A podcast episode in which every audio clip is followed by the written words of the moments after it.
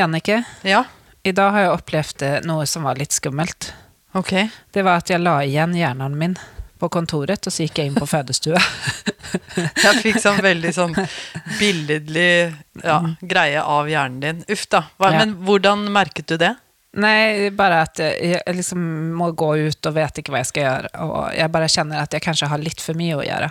På fødestuen, Jenny, skal de begynne å bli redde for å Nei. komme og føde hos deg? Nei, det skal de ikke. Det var mest tull. Det var for at jeg ikke hatt tid å lage noen fun fact eh, for eh, dagens eh, episode. Det er jo ikke noe funny i det hele Nei, det er ikke noe funny. Så, men jeg kom på en fun fact da, når jeg satt og tenkte på det. Og det var at jeg skal ta litt om tiden. Eh, herr og fru Ur. Det er 115 mennesker i Norge som heter Ur til efternamn. UR? UR, ja, Ja. som eh, klokken. Okay. Husker du da hvem frøken Ur var? Ja, det var hun man kunne ringe til. ja, man kunne faktisk det. Eh, og det ble etablert i 1932 og ble lagt ned i 2007. Okay. Frøken Ur. Ja. Og der kunne man jo ringe hit, dit da, til Frøken Ur og vite nøyaktig hva klokken var. Det, det er veldig fint å vite. Veldig nyttig. Ja. Eh, men også noe som var litt forvirrende sikkert i Norge før, det var at det, det ble ikke en sånn fellestid over hele Norge før i 1895. Forut så opererte man med solen. Det var når solen sto, sto i sør. Eh, så det, var, det skilde litt sånn på tiden over landet. Det var, det var jo til eksempel mellom Kristiania, som Oslo hette på den tiden, så var det jo fire minutter mellom tidsforskjell mellom Kristiania og Drammen. Ja, det er jo Altså- litt pussig å tenke på at det liksom var så forskjell her, sånn som vi har over hele verden nå. Ja, og sen er det også at det var 22 minutter mellom Kristiania og Bergen. Så det hadde vært litt forvirrende. Som tur var nå, så har vi felles tid, og vi ehm, eh, Jeg skal huske hjernen min, helt enkelt. Ja, det syns jeg. Jeg skal ikke ha så dårlig tid. Men du, vi hadde et eh, Instagram-innlegg her eh, forrige uke, Ja. hvor vi eh, sa tre ting man burde gjøre før man føder. Og ett av de var å eh, tenke over hva det betyr for deg å bli en forelder. Mm. Det var det. Og, eh, for vi tenker jo at eh, det vet jo alle dere som hører på oss, at vi syns at det, det å forberede seg til ulike saker er veldig viktig. Eh, og spesielt da eh, fødsel og det å bli forelder. Ja, Men så syns vi jo også, vi syns Jenny, at vi bruker utrolig mye energi og krefter og ressurser på å forberede oss til fødsel. Men at eh, vi må huske at fødsel er jo på en måte bare et komma i livet. For vi føder jo fordi vi skal bli foreldre, så det er jo Enda mer viktig. Ja, det er viktigere å for- forberede seg på den foreldrerollen. Mm. Det er det. Eh, og alle foreldre har jo ulike bagasje, ulike utgangspunkt, og man får ulike barn. Mm, man har forskjellige ønsker. Ja. Men vi skal snakke med noen fra Stine Sofies stiftelse i dag som har laget en foreldrepakke for å hjelpe til i den tiden man Ja. går inn i. hjelpe både helsepersonell og blivende og nye foreldre. Så her er en episode for mange. Vi setter i gang. da. Det gjør vi. Du lytter nå til Jordmorpodden, en podkast om alt mellom himmel og helvete. Her skal du få klar tale, kjerringråd, vi skal ha fagdiskusjoner, og vi skal dele erfaringer og opplevelser.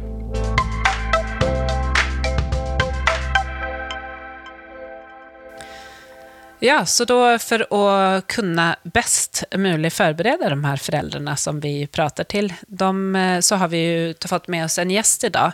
Hun kommer från eh, Stine Stofies stiftelse og skal hjelpe oss litt med problemstillingen om foreldrepakken. Ja.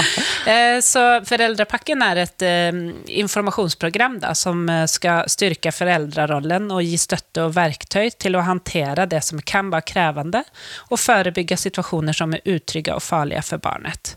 Så det är ju egentligen väldigt fint oppsett.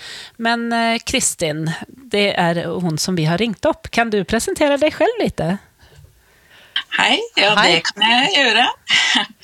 Eh, Jeg heter Kristin Haaland, er jordmor og jobber på Stinn Sofies stiftelse.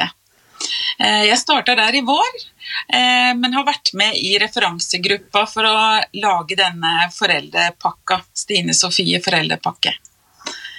Så spennende. Ja, det er spennende og det er meningsfylt arbeid, syns jeg. For det er noe som virkelig vi opplever trengs for å kunne hjelpe til med å forebygge vold mot de aller minste barna. Hvordan Og det er jo litt av intensjonen med Stine Sofie stiftelse også, som nå har runda 20 år. Ja, gratulerer. Jo, takk for det. Det er jo liksom både gratulerer og også litt vanskelig, Ja. for det bygger jo på en ganske vanskelig historie, det her. Ja. Ja. Um, Men um, det er jo en institusjon som jobber for å forebygge vold og overgrep mot barn, og for å hjelpe til med å avdekke det, og for å ivareta voldsutsatte barn og deres pårørende. For å jobbe for en barndom uten vold og overgrep. Fra barnet er egentlig inn i magen og fram til voksen alder. Mm. Så det er veldig meningsfullt, det skjønner jag. Eh, Vi, vi vet jo også att eh, Stine Sofie eh, stiftelse har då dannet denne foreldrepakken som vi skal prate litt mer om i dag. Og det er jo delt opp i tre deler. Att eh, det er før fødselen, i svangerskapet altså. Og sen er det på barsel, eller når barnet har kommet ut på sykehuset. Og så er det etter når man har kommet hjem igjen. Ja. Og det er noe som jeg syns er fint med foreldrepakka. For den starter allerede helt i starten på svangerskapet. Så ønsker vi å komme inn og snakke med foreldrene om hvordan de skal være, kunne være trygge foreldre. For det å være foreldre, eller bli foreldre, er jo veldig, det er veldig fint. Og samtidig så er det ganske krevende eh, å håndtere et lite barn som kommer. Så det å snakke med foreldrene om hvordan man skal gjøre det når ting blir skikkelig vanskelig, kunne være trygge foreldre også i de situasjonene, det er noe av intensjonen med foreldrepakka. Og da må vi starte tidlig. Eh, I svangerskapet og gjennom fødselstida og barseltida og videre. Ja. Så de, man uppfordrar ju då i de tio smarta tips till eh, föräldrar. Eh, det är en liten bok som finns, men det finns ju också mycket information på nätet. ja, det fins en app. Det finns en app, ja. Og vi gi- har en brosjyre som vi kan Eller en liten Ja, den lille boken. Lille boken. Og den gir jo vi ut allerede tidlig på den første kontrollen i svangerskapet. Ja, og det er kjempebra. Den lille boka er på en måte en sånn liten oppsummering av foreldrepakka. Eh, Den gir en sånn liten introduksjon over de ti smarte tips. Og så kan man gå videre inn på appen Ti smarte tips, som vi nå egentlig har gjort om til en nettside som Ja. heter Ti smarte tips. Da er det litt enklere for oss å få redigert underveis og oppdatert den okay. når det er en nettside. Ja. Så den kan man gå inn og laste ned, akkurat som man bruker en app. Den heter tismartetips.no.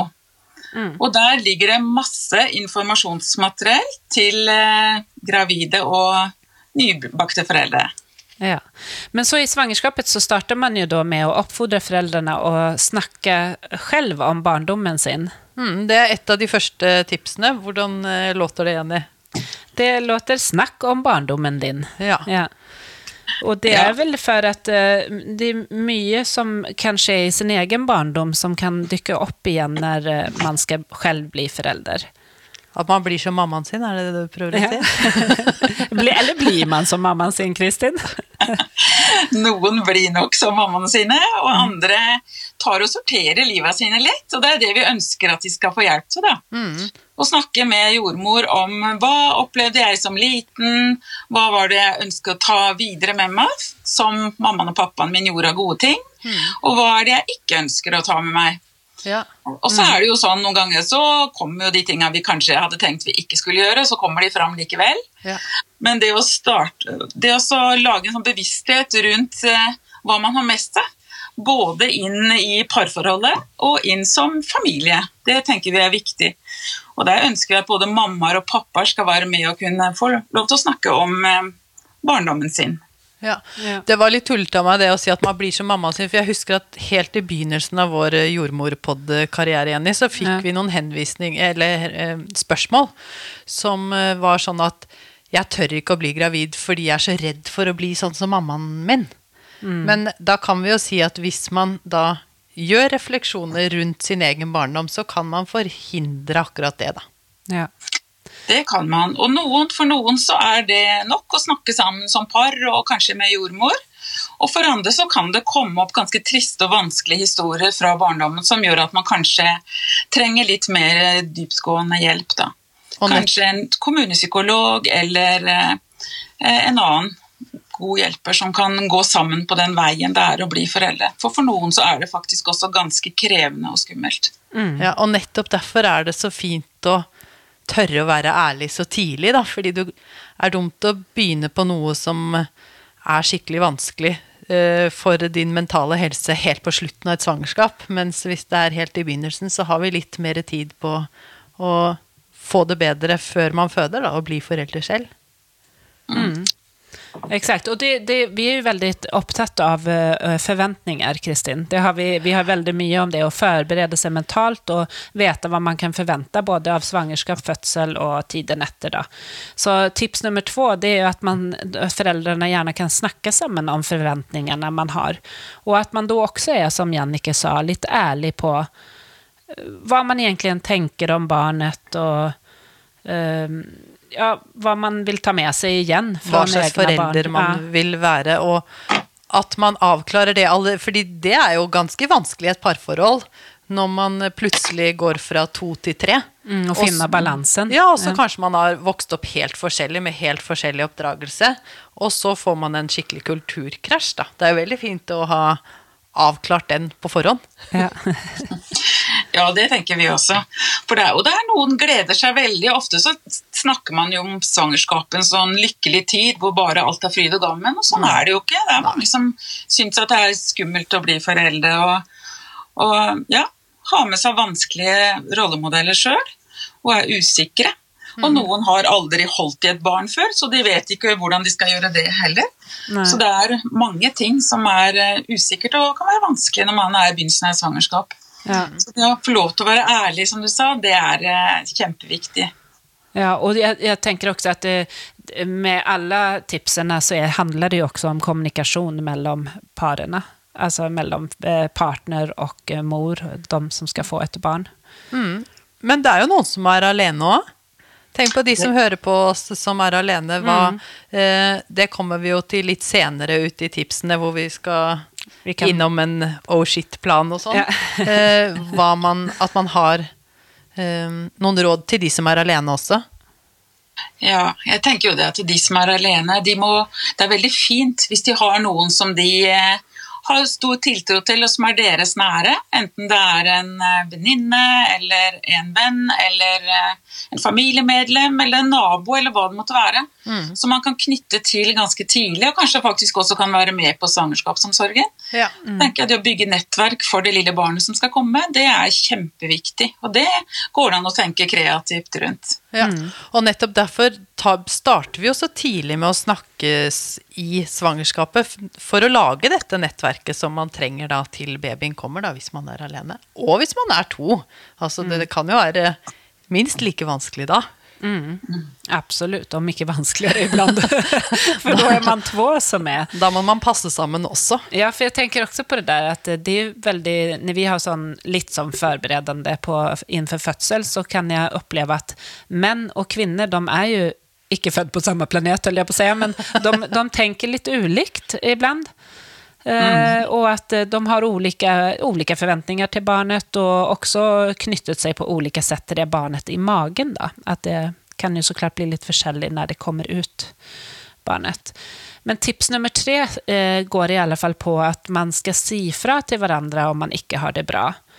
Og at man da må, må, tenke på at alle følelser og sånt er normalt. Även om man mm. som mor tenker en sak, og som og far eller partner tenker en annen. Mm. Og så er det noen som sliter litt med sin psykiske helse, som kan få bli ekstra triste og nedstemte når de er gravide. Noen kan ha en depresjon fra før, eh, og noen kan bare kjenne at det her ble tungt. Eh, og det gjelder både kommende mammaer og kommende pappaer. Ehm, og det kan uttale seg på litt forskjellig måte. Eh, en del kvinner, når de blir nedstemt, så kan de bli litt mer sånn innadvendt. Eh, triste og trekke seg tilbake. Mens en del menn de kan bli litt mer utagerende og sinte. eh, Aggressive og nesten bli litt voldelige. Og det er også viktig å vite at hvis man kjenner at man forandrer seg litt som person, eller at partneren gjør det, eh, at man får det sånn ekstra vanskelig sammen, enten man viser tydelig tristhet, eller at man viser at man blir mye mer irritabel og litt mer vanskelig å bo sammen med, så er det viktig å vite at man kan eh, oppsøke hjelp for det, og kunne få noen eh, gode støttespillere med på veien. Det er veldig viktig. Jeg tenker at man, man snakke godt sammen samman om alle forventninger, og være ærlig ärlig med hverandre, Men hvis man kjenner at man ikke kan hjelpe hverandre, eller om det er liksom problemene går utenfor det så må man søke hjelp. Mm. Mm. Och Jannike, du jobbar ju på svangerskapsomsorgen och nu, eh, vi, vi snakket ju lite innan vi ringte om att det, det er noen spørsmål som er litt vanskeligere å stille enn andre. Ja, altså eh, Psykisk helse og vold eh, Mange føler jo mye skam rundt det når de skal snakke om eh, sin egen Hvis man har en dårlig psykisk helse, da, eller man er utsatt for misbruk eller, eller vold.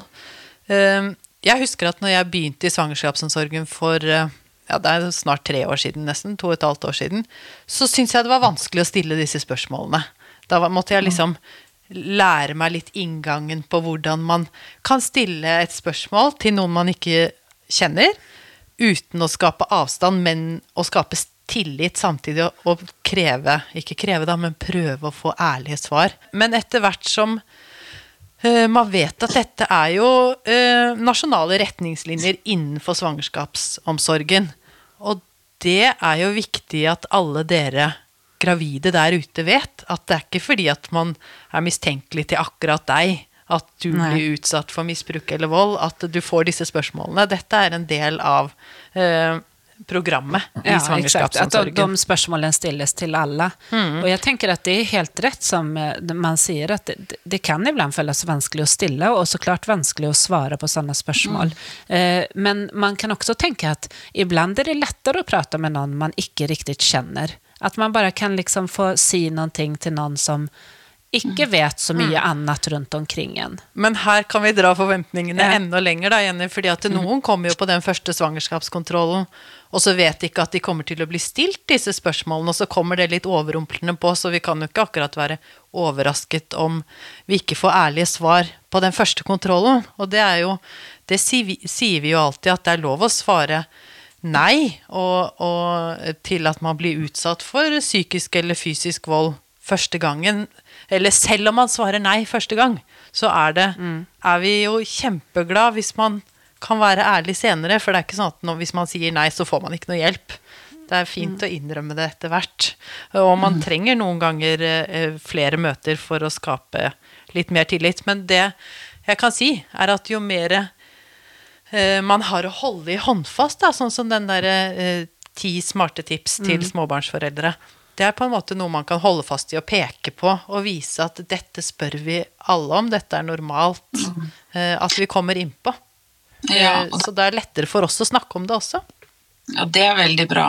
For det, er universelt at alle får spørsmålene. Og så vet vi jo at det er ganske mange også som blir utsatt for vold, både har med seg voldserfaringer, og som på en måte eh, blir utsatt for vold i svangerskapet. Så det å kunne få lov til å fortelle om det, eh, og vite det at man kan gå veien sammen med den jordmora. At ikke nå skjer det plutselig veldig mange tiltak som kommer inn uten at man har kontroll på det. For det tror jeg kanskje er noe av det mange gravide er redd for, av de som er utsatt for vold. De er redd for at man skal miste styringa på livet sitt. på en måte. De må være med og få ærlige svar og vite hva som skal skje videre. Ja. Ja. Gå den veien. Det, Ja. mm, At, det er jo at, vi, at meningen, hva vi vil med det dere svarer, da, det er jo å hjelpe dere. Og ikke å skape mer uro og problemer. Nei. og så er det en felles omsorg for det lille barnet som skal komme, tenker jeg. Det er også viktig. Eh, og da, jeg da, hvordan man har det, det påvirker jo absolutt hele familien, da, eller den kommende familien. Så tips nummer fire det er å lage en oh shit-plan. Og det, det jeg virkelig at jeg eh, har kunnet trengt noen ganger. Kanskje ikke på den måten eh, som når, man er, når barna er bitte små, men eh, även når barna har blitt litt større. Så tenk, trenger man det. En oversiktplan hele Ja. livet. Ja, exakt. Jeg vet jo om Kristin kan gi oss en oversiktplan for de barna vi har nå. Eh, er jo et litt morsomt navn, spør du meg. Mm. det er jo en plan for stressa situasjoner. mm. og det tenker jeg vi kan trenge i mange livssituasjoner, egentlig. Og det, alt vi kan gjøre på forhånd, tenker jeg at vi kan berede på forhånd til det babyen som kommer, det er veldig bra. Og det er krevende å bli foreldre. Eh, det er krevende fordi det er ofte ganske mye barnegråt. De første månedene så gråter faktisk et lite spedbarn over to timer i døgnet i gjennomsnitt. Oi. Og det er ganske mye. Ja. Vi reagerer jo ofte bare hvis vi er ute og hører et lite barn gråte litt, så snur alle seg og lurer på hvem gråter der, og er det, får dette barnet trøst? Eh, Så det å tenke at i løpet av et døgn så gråter et spedbarn normalt to timer og et kvarter, er det noe forskning som viser. Det er ganske mye. Ja, Det er sikkert mye. mange som, tenker, som sitter nå og tenker at to timer og et kvarter, det er ingenting i forhold til hvordan mitt barn gråter. Det er gjennomsnitt. Det er Noen gråter mer, og andre gråter mindre. Ja. Og så er det krevende. De gråt, kan gråte ganske mye i starten, og etter hvert så blir det bedre. Ja. Da finner man litt ut eh, opp og ned på babyen, og hvor mye mat den skal ha. Ja, når den er trøtt, og når den er eh, klar for kos, og hva er det den prøver å si, for det er det den gråten handler om, da. Kommunikasjon. Det er den det den prøver sättet. å fortelle oss noe. Ja. Men så jag tänker, för att när man skal bli barn, eh, eller få barn da, så må man jo forberede seg på det livet. Og at man da då ska tänka över lite, vad är det som kan göra mig väldigt trött och sint och frustrerad? Och så gå in i det lite och kanske skriva upp noen tanker rundt det og, og da kan man lettere lage den oh shit-planen. Hvis det Ja. kommer til det punktet. Det tror jeg er veldig lurt. Fordi at det, når man blir veldig stressa, så tenker man litt andre tanker. Da blir man ikke så klok i tankene lenger. Da kortslutter det litt i toppen på noen og enhver av oss. Ja. Og da er det viktig å kunne bare se ned. Hva er det jeg skal gjøre nå? Ja. Eh, og det å legge fra seg barnet trygt, f.eks. innpå i senga, der den ikke kan falle ned eller ikke noen ting kan skje galt med den, det kan være ganske lurt å gjøre, faktisk. Barn kan tåle å gråte litt, og så kan mammaen eller pappaen gå og sette seg ut i stua, puste litt godt, og så tenke, ta fram skittplanen og se hva gjør jeg nå. Ja. Jo, når jeg blir litt irritert og har kort lunte, så er det ofte at kanskje jeg har glemt å spise. Eh, da kan det være lurt å spise litt. Eh, eller at man kjenner at man trenger bare liksom å puste litt. Kanskje man også trenger å ringe til noen for å få hjelp, rett og slett. Hvis man har holdt på lenge og sovet lite og er kjempestressa, så er det lurt å ha litt sånn nedskrevet på hva gjør jeg når livet blir vanskelig. Ja, for det er jo Unnskyld, Jenny. Ja, unnskyld. men det er jo noen ganger at den ungen bare gråter og gråter, og du har prøvd alt opp ned på den, og du har egentlig mest lyst til å kaste den ut av vinduet. Og det er jo Ja. da det er fint å legge barnet fra seg og gå rolig ut av rommet. Ja, og, Og det at- er og at- kjempeviktig. Ja, og at man ikke er en dårlig forelder for at de følelsene kommer opp. Vi har jo snakket om, også om fødselsdepresjon, og man vet jo at hvis man er, har en fødselsdepresjon f.eks., exempel, så ønsker man ikke at andre skal ta barnet for at, i tro att man skal bli en dårlig mor. Man er en dårlig dårligere, mor hvis ja. man, eller dåligere, ja, hvis man lämnar barnet ifrån sig och inte klarar det själv och sånt där. Eh, Så det tror jag också är viktigt att eh, de gravida och födande och all, alla som har fött tänker på, att det är helt okej att bruka sitt nätverk. Det skall man, hvis man är så sliten. Ja, og så er tenker jeg egentlig når man er så sliten, Jenny, for det er ikke sånn at eh, Før man er så sliten, mener du? ja, fordi man er så sliten. Fordi alle vil jo kjenne på litt sånn håpløshet eller ja, slitsomhet, frustrasjon i en spedbarnsperiode. Man må vite at det er normalt. Man er ikke en dårlig forelder selv om de følelsene kommer opp. Nei, det er helt sant. Det viktige er da at man ikke går løs på ungen. At ikke man holder hardt inn, at ikke man rister på den. Eh, hardt, det er farlig, rett og slett. Så det er mye viktigere at man da bare legger den fra seg, lukker døra, setter seg i naborommet og puster ut litt. Ja. Det, Og ringer etter hjelp. At det faktisk er å være en god mor å ta kontakt med noen i de tilfellene. Ja. Men eh, barn, barn gråter jo. Så eh, det er jo Og det er jo som vi snakket om, at det er deres sett å kommunisere. Så tips nummer fem handler jo om at eh, barn gråter for å få hjelp. Så da må man finne ut først, i alle fall prøve å finne ut, hvordan kan jeg hjelpe den, eller hva vil mitt barn nå? Og det handler jo også litt om det der, å lære å kjenne sitt eget barn. Det er det. Og da er det jo et sånt lite um, verktøy i denne lille boka som vi har, eh, som er en sjekkliste som man kan se på når barnet gråter. Mm. Og det er ganske lurt. Da kan man, eh, der er det en liten liste man kan se på. Er den sulten? Trenger han å få skifte bleie? Har han luftsmerter? Har han behov for nærhet? Er han trøtt eller har han vondt, eller hva handler dette om? Mm. Og det, den lista syns jeg er litt fin. Eh, jeg tok en doktorgrad om vold i svangerskapet i 2014. Ja. Eh, og da var det en av pappaene som hadde utøvd vold mot barnet sitt, som, eh, nei, mot, mammaen, mot kvinnen, ja. mot partneren sin. Og han sa det at han var så usikker når han skulle bli pappa. Og så sa han det, noe som jeg syns det har fulgt meg seinere. Han sa at når du får, kjøper en bil, da får du en instruksjonsbok. Men når du får en baby, så får du ingenting. Nei. Eh, og derfor så tenker jeg at den sjekklisten som står der, det er en sånn liten instruksjonsbok til pappaer. Ja. Mm. Der, Der, der til de som trenger det. Ja. Ja. Ja, jeg hørte om en pappa faktisk som hadde revet ut den sida i den lille boka, som er sjekklista, så hadde han med seg den i bukselomma. Og når han var ute med barnet sitt, og barnet begynte å gråte, så tok han opp lista, og så gikk han gjennom, og så tenkte han hva er det nå? Han gikk gjennom instruksjonsboka. Det var veldig bra. Ja, det, er det er veldig konkret i alle fall. og jeg tenker hvis man er eh, frustrert eh, Og irrasjonell. Ja, Mm. Da, da, er det veldig fint å ha noe sånn veldig konkret å forholde seg til.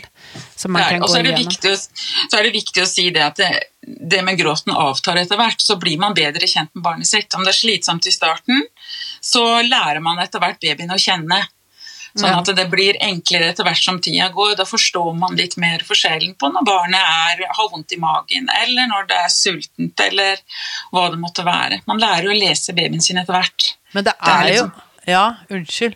Men det er jo noen ganger at man har gått gjennom hele den lista, og så Mm. er det liksom ingen av de tingene. Men barnet gråter jo fortsatt.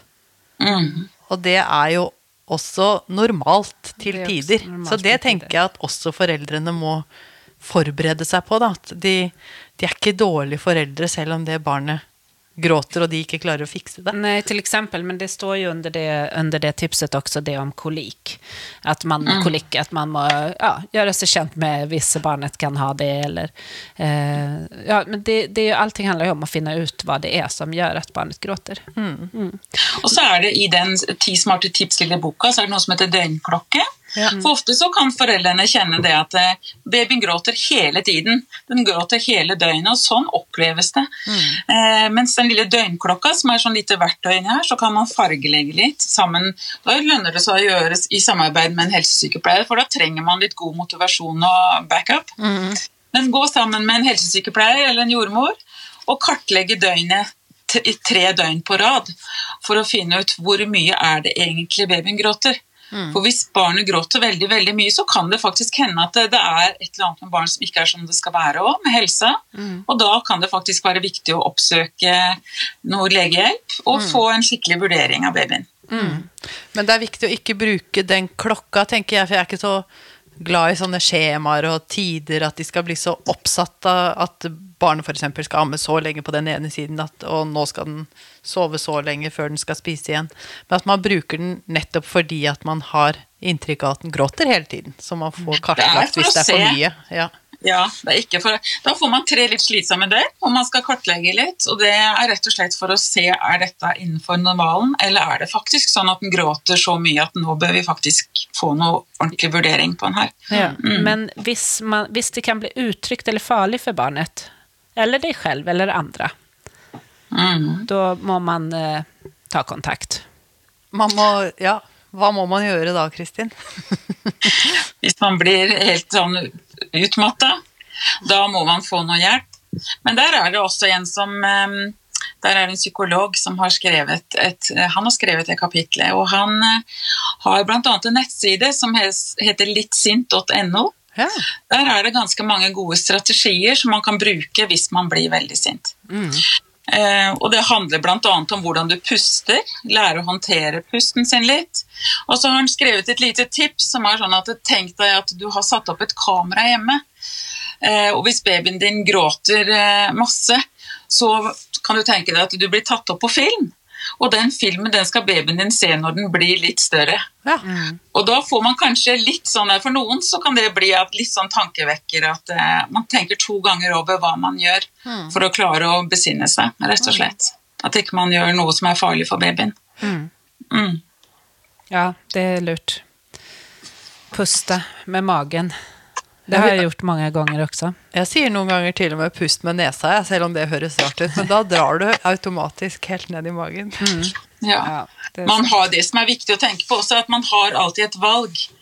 Man har et valg om at man kan legge barnet trygt ned og gå vekk. Um, Jeg man må passe på at ikke man velger de dårlige løsningene som går utover barnet. Ja, og så må man huske, sånn som Jenny sa i stad, da, at ved å, å legge fra seg et gråtete barn, så er du faktisk en god mor, hvis man kjenner at man er veldig frustrert. Ja, Det viser seg jo ofte at de som oppsøker hjelp på helsestasjon og får en helsesykepleier som følger de tett, og som på en måte lager en plan om hvordan de skal gjøre det her, så går det ofte ganske mye bedre ganske fort. Så det å ha noen som man kan ringe til, og som på en måte som står klar til å hjelpe og skjønner virkelig at man er sliten og kan, man kan diskutere greit sammen med, det kan være en god hjelp i seg sjøl. Og så Ja. tenker jeg bare det å bli sett, da.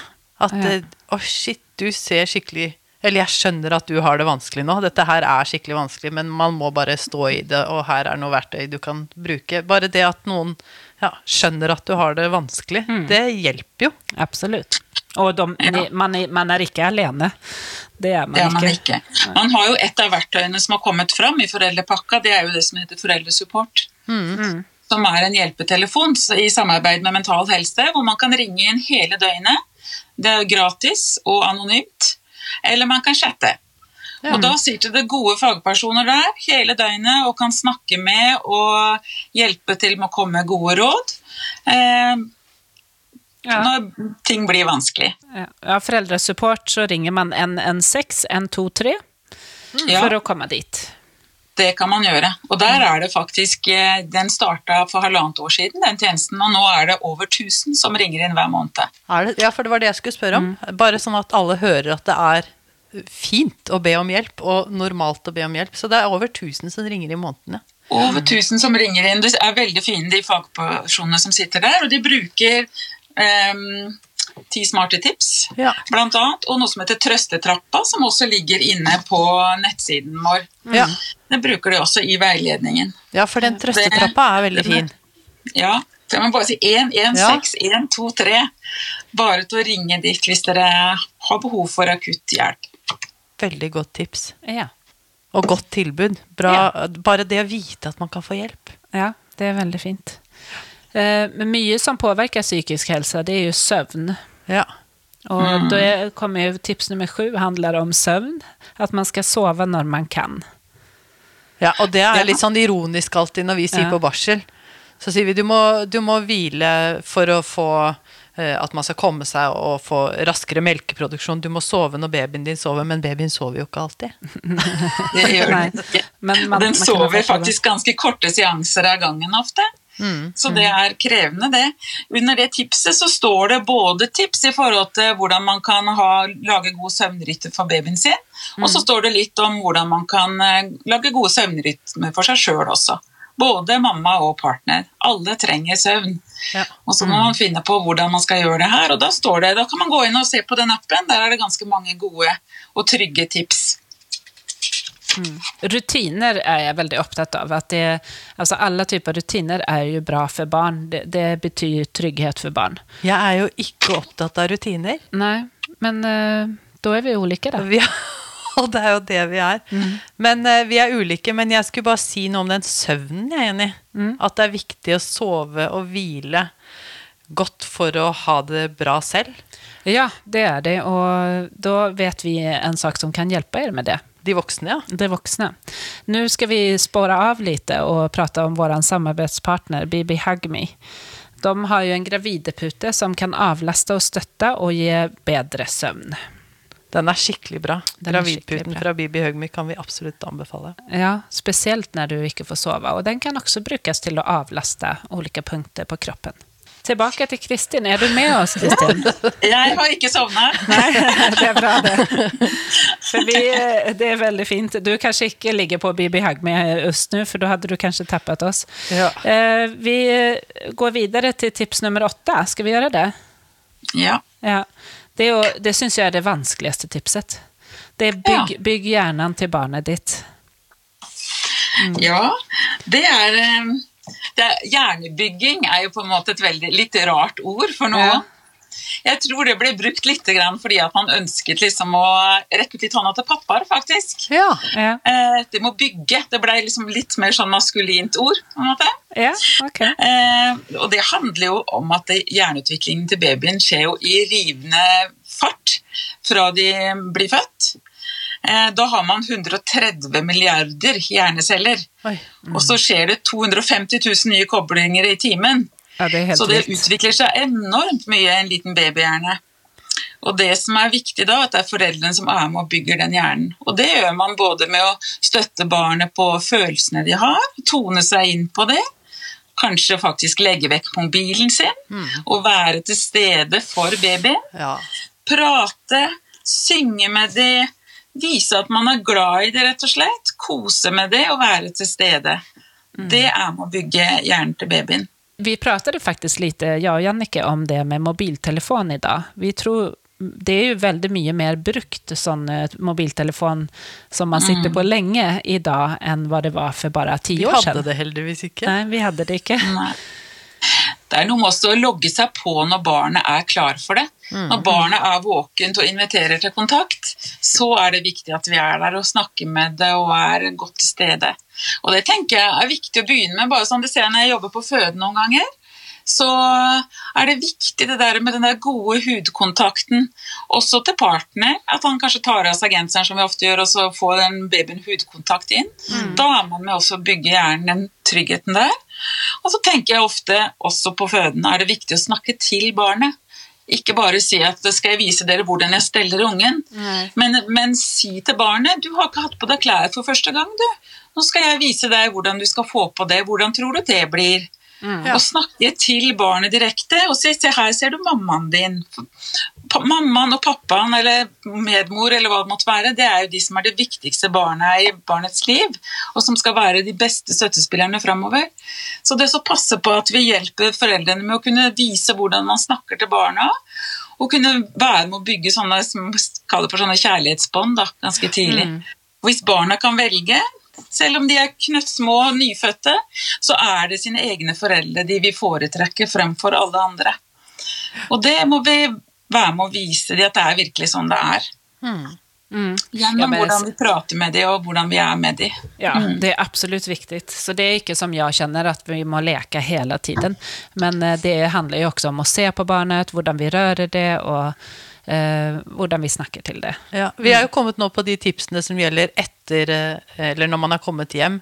Og jeg syns jo det er veldig gøy på barselbesøk, som jeg er på, da, å vise foreldrene hvordan ja, babyen foretrekker de, da. Akkurat sånn som du sier. At hvis vi, hvis vi holder babyen, eksempel, og så prater mor, så snur babyen seg dit med en gang. De, man, å vise foreldrene og hvor stolte dere blir når dere ser at ja, babyen, babyen min digger faktisk meg mest, for det er meg den snur seg til. Ja. Det er veldig fint. Det er veldig fint. Ja, det er fint. Og en ting også er at dette her er etter fødsel, men alle tipsene kan brukes fint etter fødsel, for da får man litt andre forventninger igjen, og andre ting fra barndommen som dukker opp. Sånn at tipset er, eh, alle tips er like aktuelle etter fødselen også. Vi har bare Ja. måttet strukturere litt sånn, for å sikre at vi kommer gjennom alt. Og så syns jeg Um, det er veldig fint, fordi at da blir det ikke sånn da kan du ta det litt i porsjoner. Så hvis man tenker at dette er Åh, må jeg kunne alle de ti tipsene, liksom. Når du vet at du har fire, og så eh, to Nei, Ja. sen, sen, sen att de går litt inn i hverandre hele tiden. Alltså jeg tenker nesten hele livet så må vi innom og peile litt. Eh, Så vi går rätt i mörkret, höll jag på att säga. Eh, Men til till tips nummer ni, det känner jag, det är jag väldigt opptatt av, og pleier å si til foreldrene, det er, det står 'gjør hverandre goda'. Mm. Eh, ofte som barneforeldre blir, kan det bli litt sånn konkurranse. Hvem gjør mest, og hvem sover minst? Og, ja, eh, hvem sover minst. Ja, exakt. Och det, det liksom skapar en del, kan skapa en del problemer. Det att det å være mot hverandre og gjøre hverandre gode og unne hverandre saker, eh, eh, det tror jeg virkelig på at det er viktig. Og hvis man er, hvis man er alene da, så må man kanskje ha de støttepersonene i andre personer enn partner. Ja, Det blir et veldig annerledes liv. Mange ganger så tenker man når man skal få første barnet at vi skal gjøre helt sånn som jeg har gjort fra før, og vi skal leve et helt normalt liv. Men sånn blir det jo ikke. Det blir veldig annerledes. Så det å være gode med og rause med hverandre, som du sier, det er kjempeviktig. Ta godt vare på hverandre. Ja. Passe på å være litt kjærester innimellom og sette av litt tid til å se hverandre, rett og slett. Ja. Det fnyser jo mange av når man sier dette her på, på barsel også, at eh, pass på å være litt eh, kjærester innimellom, så skjønner de liksom ikke at Noen skjønner ikke at det kommer til å bli et problem, Nei, mens eh, andre bare tenker at ja, det rekker vi ikke nå, liksom. Det må vi ta i andre rekke. Men det er et veldig viktig punkt. Mm. Jeg husker uh, Vilde, som vi har hatt med oss de to første episodene våre. Hun er så, var så raus med mannen sin, så hun gjorde ting som hun tenkte var helt unødvendig for han, bare for å liksom være litt raus og Ja, god det var ikke så han. viktig for henne. Ja. Men, det, men hun fikk jo igjen, da. For Ja. man får jo ofte igjen det man gir. Det handler jo ikke, Man trenger ikke gjøre de store tinga heller. Det handler om kanskje å hente en kopp kaffe, altså gi en stryk, klemme, holde hverandre rundt. Eh, sende en koselig lapp med i matboksen hvis den har det. Ja, exakt. Altså det, og, men også det, hvordan man behandler hverandre. det lærer jo barnen eh, hvordan man behandler andre, helt enkelt. Altså hvordan man behandler hverandre i familjen. Det er det barna ønsker mest av alt, tenker jeg. er At foreldrene skal ha det godt sammen, for da er det godt å være barn der også. Ja, exakt. Da er vi på det siste tipset, Jannike. Okay. Tips nummer ti. Og det er å være en god, nei, være en trygg og god omsorgsperson. Eh, det er ju Det er jo lett beskjed å få. Bare vær trygg og god omsorgsperson, du, så går nok dette bra. Jeg tenkte si, det er noe det vanskeligste. Men eh, just det der, det handler jo også om at barn, de, eh, alltså jag har møtt mange barn som ikke har hatt det veldig fint hos sine foreldre, Men in siste sista sekund så forsvarer de sine foreldre ändå. Etter siste sekund òg. Etter siste sekund. Nei, men du skjønner hva jeg mener. De, Ja. de bara, eh, selv om de har gjort dem vondt, så forsvarer de dem. Og derfor så viser det virkelig at uh, foreldrene er de viktigste personene i barnens liv. Og så er, så er det sånn i Norge og andre land også at vi har ikke lov til å slå barna våre. Vi har ikke lov til å, å bruke vold som en del av oppdragelsen. Eh, og det handler også om måten vi tar i de på. Hvis vi blir veldig harde og voldsomme i måten vi berører barna på, eller at vi kjefter veldig masse, sånn at det blir utrygge omgivelser rundt, så blir barna veldig redde. Og da blir det også sånn at barn lærer dårligere de tinga de skal. For da må de fra de er små må de bruke liksom all energien sin bare på å prøve å forstå hva som skjer rundt dem. Masse utrygghet. Og det er ikke bra for barn, verken for utviklinga eller for helsa og livskvaliteten videre. Så det er viktig at man prøver å ha det så rolig og godt hjemme som det er overhodet mulig. Og alle krangler vi litt av og til i parforhold, det er normalt. Men passe på at liksom ikke det blir eh, for voldsomt, at ikke det blir hyling og skriking og brå lyder og At at man prøver å- utrygt. ja, at man tenker at det skal være trygt for det lille barnet. For selv om det bare er en bitte liten baby i starten, så får det med seg det som skjer rundt. Ja, sånn at det, det er jo ikke bare fysisk vold selv mot de minste babyene som er farlig. Det er den ja, Nei, hvordan vi er er rundt det. Kjefting og sånn. Eh, jeg tenker også at hvis man da hvis, For det som du sier, at iblant så kjefter vi. Vi gjør det som foreldre. Ja, og det og, må jo det- være lov til at alt ikke er rosenrødt hele tiden. Ja, jo, exakt. Men jeg tenker at det viktige da er, og det er det jo mange som er inne på om dagen av de som vet mye om barn og følelser, at eh, man må reparere. At man i så fall etterpå sier at 'unnskyld, nå var mamma litt for sint', eh, og sånn. Og da, da går det bedre.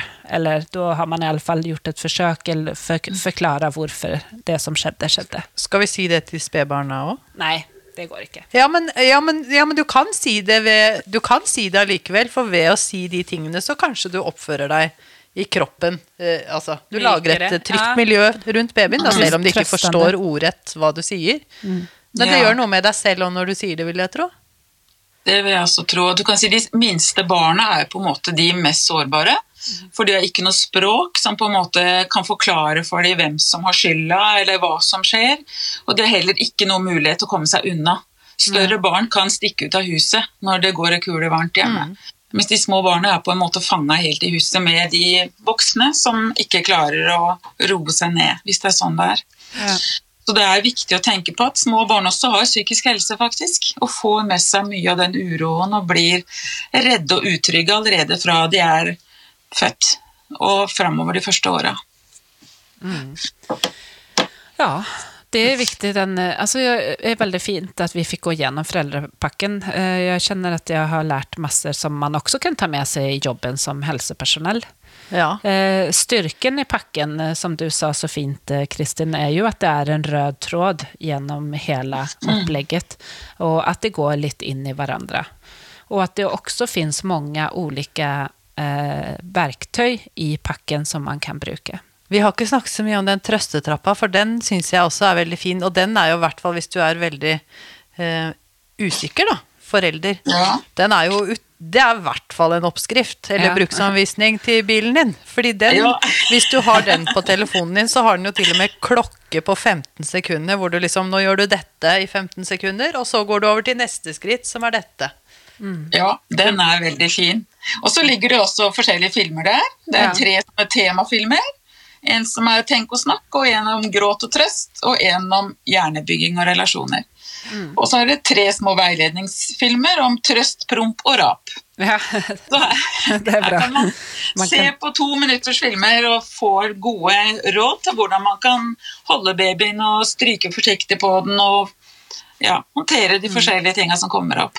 Ja, Ja. Bra bruksanvisning. Og så er det fint med de filmene, for du trenger liksom det er ikke noe du må sette deg ned og lese, fordi det kommer faktisk servert til deg. Og så er det veldig fint å sitte og se på det sammen tidlig, fordi da, da kommer man opp i de samtalene da, med hvordan vil du ha det, hva forventer du. Ja, og, Ja, och att det, at det blir spørsmål til hverandre. Ja. Men far og partner er jo betydningsfull.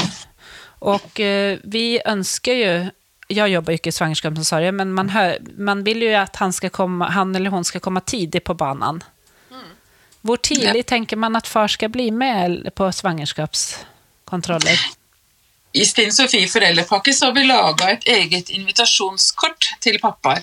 Som vi ønsker at pappaen kan få utdelt på første konsultasjon. At man sender det hjem hvis ikke han er med på første konsultasjon.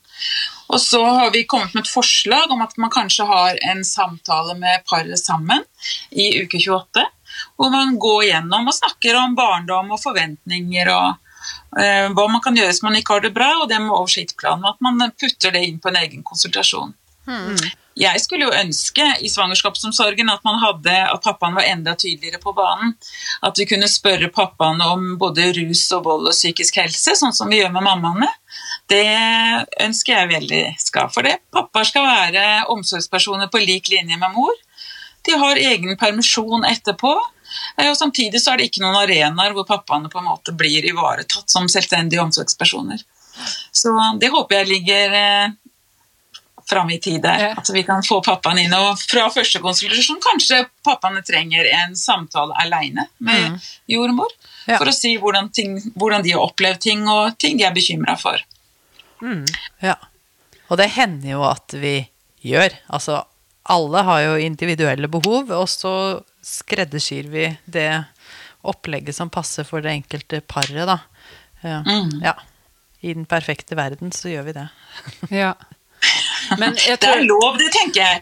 Hvis det er noen pappaer som hører på denne sendinga, så, så håper jeg at de har mot til seg og vet at de kan ta kontakt med helsestasjonen og få snakka med noen hvis det er noe de er bekymra for.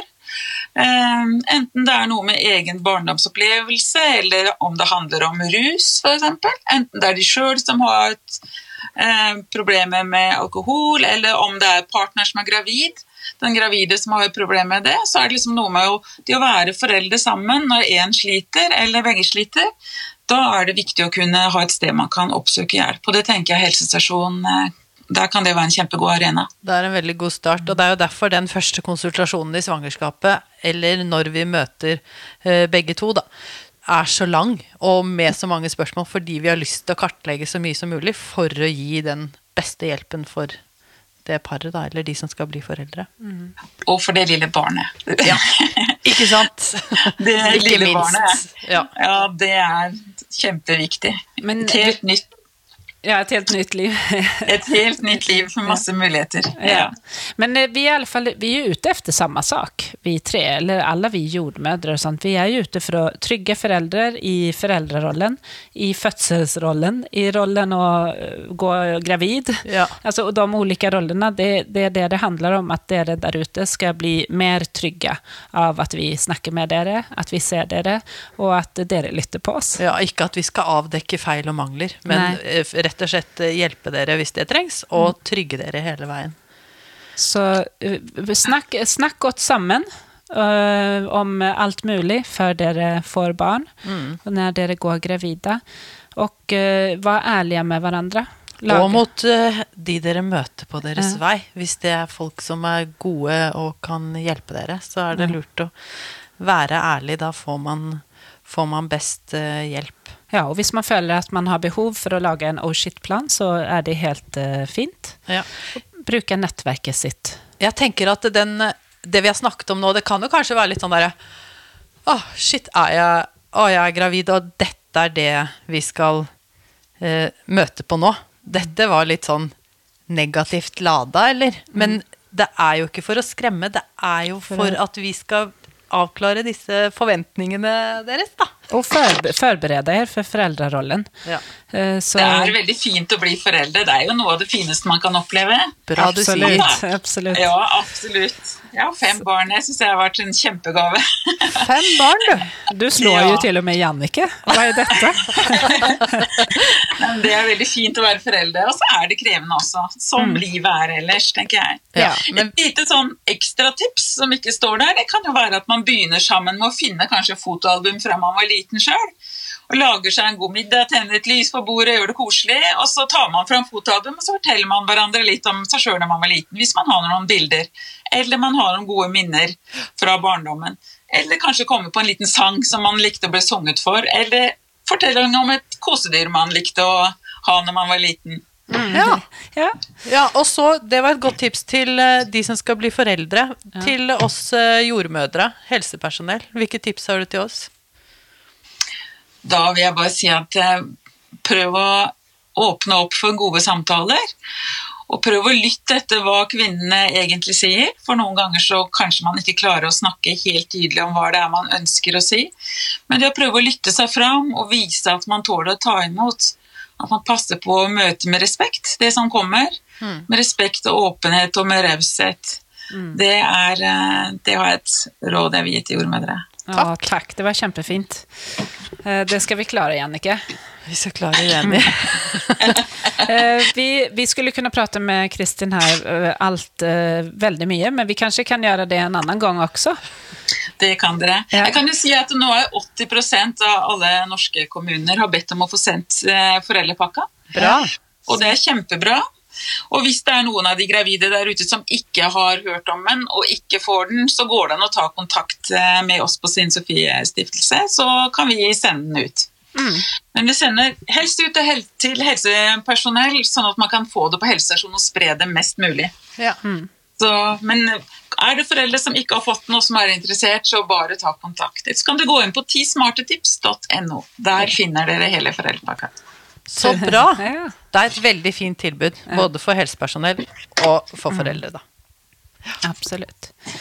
Så tusen takk, Kristin. Da- Takk for at jeg fikk komme. Ja, det var bare hyggelig. Det var veldig hyggelig at du ville komme. Ja. Ha det. Ha det bra. Ja, Det blev en lang episode, Jannicke, om föräldraförberedelse. Ja, men Det var så utrolig fint å snakke med Kristin, som mm. kom fra Stine Sofies stiftelse. Mm. Og jeg syns at det viktigste, eh, eller det viktigste er jo ikke det, men noe som vi skal ta med oss også på veien, er at vi eh, Det er jo et himmel. Det er en himmel. Det er Ja. himmelskt å bli foreldre. Ja. Eh, og vi eh, vil jo ikke, som vi sa i episoden, at det skulle låte negativt. At det, det er jo ikke, det er bare positivt. Det her er en hjelp som er i foreldrepakken. Ja. Eh, vi, vi snakker jo om det på våran eh, jingle, at, eh, at det er mm, alt mellom himmel og helvete. Ja, det har vi jo fått litt eh, negative tilbakemeldinger om noen ganger. Ja, Om helvete. Ja, at man ikke kan si helvete. Men iblant så kan man faktisk kjenne at det er et lite helvete. Ja, Men det behøves veldig lite for at man skal komme til himmelen igjen. ikke sant? Og den, det helvetet er jo i småbarnsperioden er jo ofte påvirket av søvn og frustrasjon og gråt og ja, mye sånt som foreldrepakken handler om. Ja, og hvorfor vi har tatt med oss helvete, er fordi at vi skal normalisere det at det er et lite helvete av og til. Ja, det er det. Eh, Det som eh, vi også vil komme frem til, er eh, foreldrepakken som skal introduseres mer og mer nå i svangerskapsomsorgen. Så er det jo viktig det med samtalene som, eh, som er rundt de her ulike olika tipsene.